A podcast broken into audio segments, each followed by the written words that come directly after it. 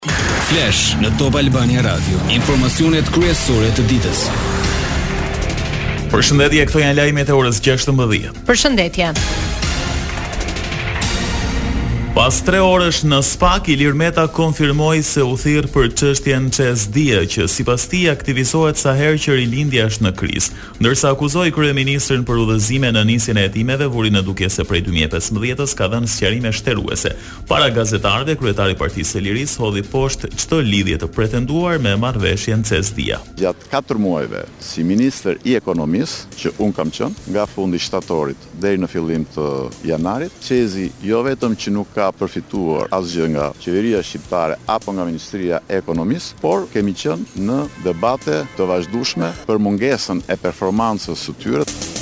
I pyetur për Elvis Matën, ish-drejtor i Dias, kompanisë që duhej të mblidhte borxhet e vjetra për llogari të Çezit, Meta e cilësoi të pabesueshëm. Përgjigjen më të shkurtër e kam dhënë pikërisht për këtë person. Si person mashtrues, si person të përzënë nga Lëvizja Rinore për Integrim, kushdo mund të marrë status, çdo njeri që ka probleme me drejtësinë, për të shpëtuar nga problemet me drejtësinë, mund të kërkojë të. Bëjë shpifje deklarata kundër kujdo.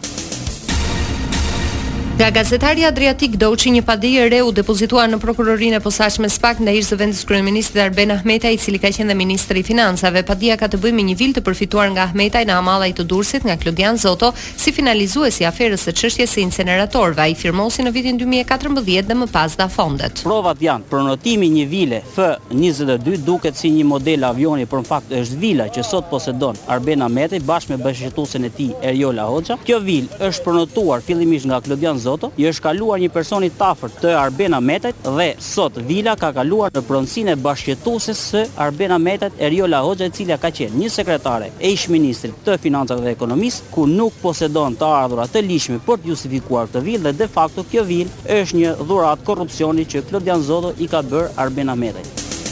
Kujtojmë se edhe më herët gazetari ka dorëzuar të tjera padi në SPAK në lidhje me Arben Ahmetajn. Një nga provat që mund të çonte dhe në zbulimin e të gjithë kësaj afere korruptive është gjetur në kompjuterin e Klodian Zotos që është rekuperuar nga policia shkencore në prill të vitit dy mijë e njëzet e dy dhe këto prova bashkë me Pagesat për akomodim në hotelin me pesë yje janë parë nga prokurorët Ened Nakuçi dhe Klodian Braho dhe si vila që i ka kaluar Klodian Zoto Arben Ahmetajt, ashtu dhe pagesat për hotel me pesë yje janë shmangur dhe janë mbuluar nga këta dy prokurorë duke shpëtuar Arben Ahmetajn nga përgjegjësia penale dhe duke devijuar hetimet Me një vendim të fundit, Gjykata e Lartë vulosi përfundimisht historinë e akuzave për organizatën kriminale Hakmarrja për Drejtësi. Në dhomë këshillimi u vendos mospranimi i rekursit të prokurorisë për të pandehurit e akuzuar si pjesë e organizatës, duke lënë në fuqi vendimin e Gjykatës së Apelit për krimet e rënda që i shpalli të pafajshëm.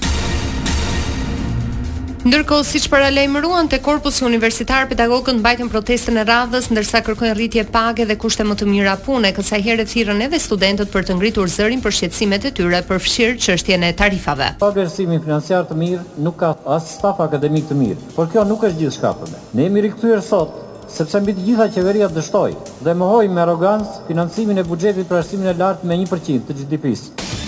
Nuk e kemi harruar kauzën tonë, po punojmë Sidomos, sidomos për të trajtimin tuaj ekonomik. Por, deri tani kemi rënë në vesh të shurdhër. Dhe ajo që ne duhet kërkojmë sot është cilësia në sistemin arsimor. Kjo është një thirrje për të gjithë ata të rinj dhe pedagogë të cilët kanë mbetur idealistë ende dhe shpresojnë që arsimi mund të rigjenerohet sërish nga e para në qoftë se ne të gjithë luftojmë për të.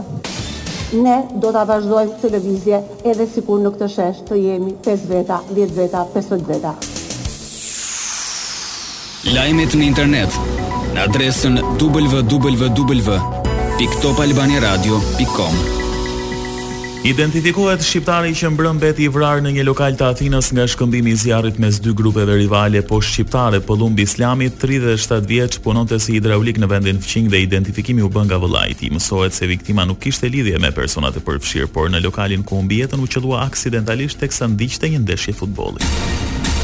Për përplasjen me armë në kryeqytetin grek, mediat në Greqi raportojnë se dy grupet që u konfrontuan në përbërje kishin tre dhe katër shqiptarë respektivisht. Paraprakisht dyshohet se janë nga jugu i Shqipërisë dhe konsiderohen persona me rrezikshmëri të lartë të përfshirë në banda kriminale të trafikut të drogës.